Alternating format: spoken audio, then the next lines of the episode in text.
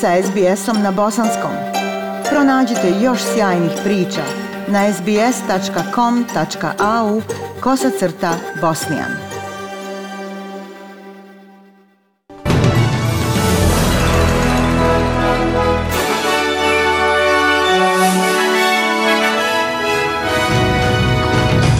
U današnjim vijestima poslušajte – U Sidneju počinju oštrija ograničenja.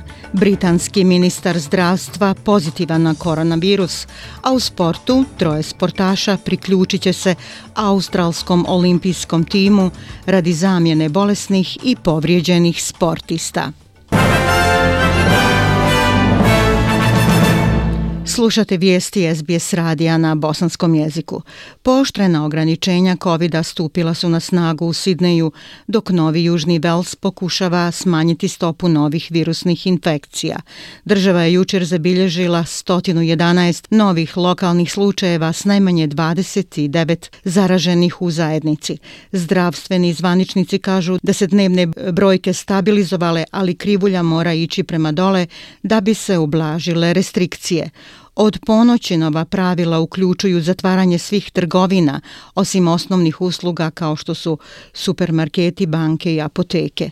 Pauzirana izgradnja za koju poslovni biznis u Novom Južnom Velsu kaže da će državnu ekonomiju koštati do milijardu dolara sedmično, a stanovnici Fairfielda, Canterbury, Bankstowna i Liverpoola neće moći napustiti svoja područja lokalne uprave osim ako nisu zdravstveni ili hitni službenici.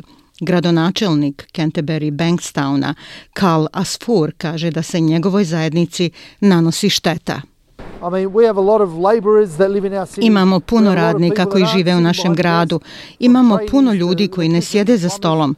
Od trgovaca do električara i vodoinstalatera ostaće bez posla i ovo će uzrokovati ogromne probleme našoj zajednici.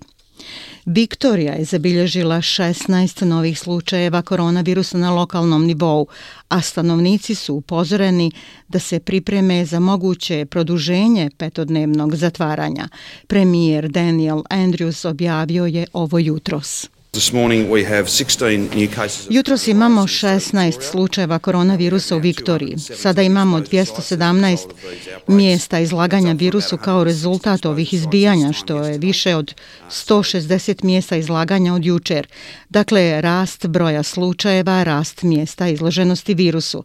Svi novi slučajevi povezani su sa trenutnim epidemijama sa dva nova slučajeva prijavljena među inostranim putnicima, čime je ukupan broj slučajeva u državi porastao na 70. U protekla 24 sata provedeno je više od 50.000 testova. Nalog za boravak kod kuće u cijeloj državi ističe u ponoć u utorak, ali mogao bi se produžiti na temelju podataka, uključujući brojeve slučajeva i mjesta izloženosti, rekao je jučer glavni zdravstveni djelatnik Brad Sutton. Nastavljamo s vijestima iz svijeta. Britanski ministar zdravstva Said Javid pozitivan je na COVID-19. Javid je bio zdravstveni sekretar tri sedmice i podržao je planove premijera Borisa Johnsona da napusti sva ograničenja covid i u potpunosti otvori Englesku od ponedjeljka. Više od dvije trećine Britanaca je vakcinisano, ali zdravstveni stručnjaci upozoravaju na prerano otvaranje. Javid je u potpunosti cijepljen i u videoporuci na Twitteru rekao je da su njegovi simptomi vrlo blagi. And I also want to take this opportunity to thank Također želim iskoristiti ovu priliku da se zahvalim svima koji su sudjelovali u našem nacionalnom programu uvođenja cijepiva, zaista najboljem te vrste bilo gdje na svijetu. Ako još niste pogodili svoje izvore, izađite i nabavite što prije možete. Ako svi odigraju svoju ulogu, ne samo da štitite sebe i svoje najmilije, već pomažete da sačuvamo način života. Hvala vam. Tijelo novinara Reutersa Daniša Sidikija odvezeno je u bolnicu u Kandaharu nakon što je ubijen u borbama između afganistanskih i talibanskih snaga. Fotograf koji je osvojio Pulicerovu nagradu bio je u afganistanskim specijalnim snagama dok su se borili za kontrolu prelaza Spin Boldak na granici između Južnog Afganistana i Pakistana. Ovaj 38-godišnjak bio je dio tima koji je 2018. godine osvojio Pulicera za izvještavanje o rohinja izbjeglicama koji su bježali iz Mijanmara, a poznat je i po fotografijama indijske borbe protiv COVID-19. Direktor regionalne bolnice Mirvas, dr. Muhammed Davud, rekao je da će službenici tijelo predati nadležnim vlastima. The body of journalist Danish Siddiqui. Tijelo novinara Daniša Sidikija predao nam je Crveni križ sinoć oko 20.30 po lokalnom vremenu.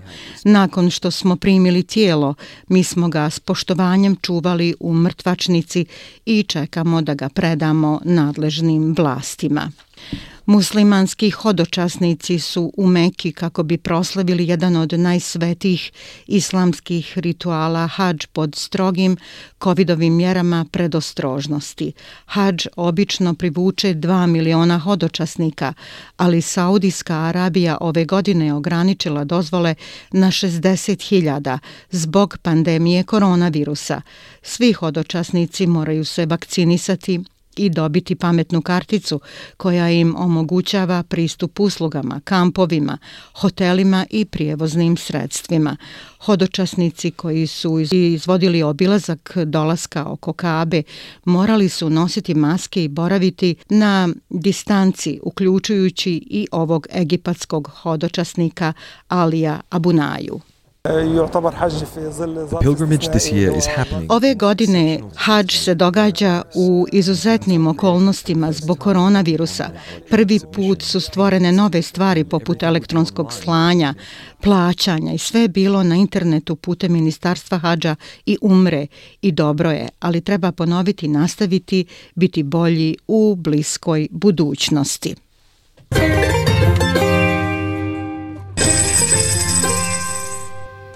Prema kursnoj listi, australski dolar danas vrijedi 0,73 američkog dolara, 0,62 eura, 0,53 britanske funte te 1,22 bosanske konvertibilne marke.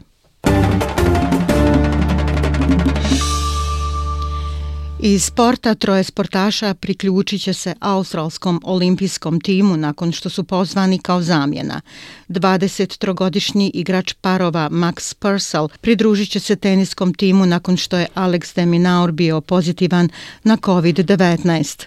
Ragbi igrač Nathan Lawson debitirat će na olimpijskim igrama u muškom ragbi timu sedmorice nakon što se Henry Peterson povukao zbog oslijede.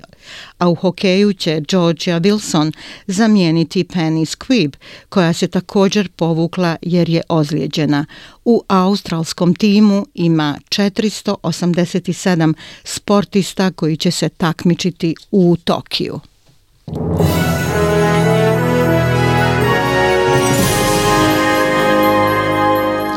I za kraj poslušajte vremensku prognozu temperaturne vrijednosti za veće gradove u Australiji.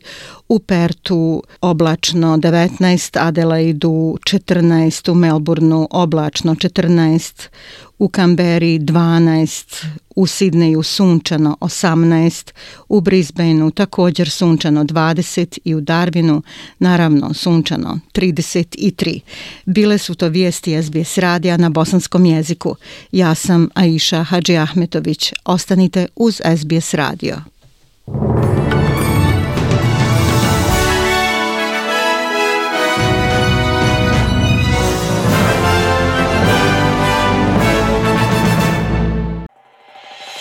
SBS na bosanskom. Podijelite naše priče preko Facebooka. Želite poslušati još ovakvih priča?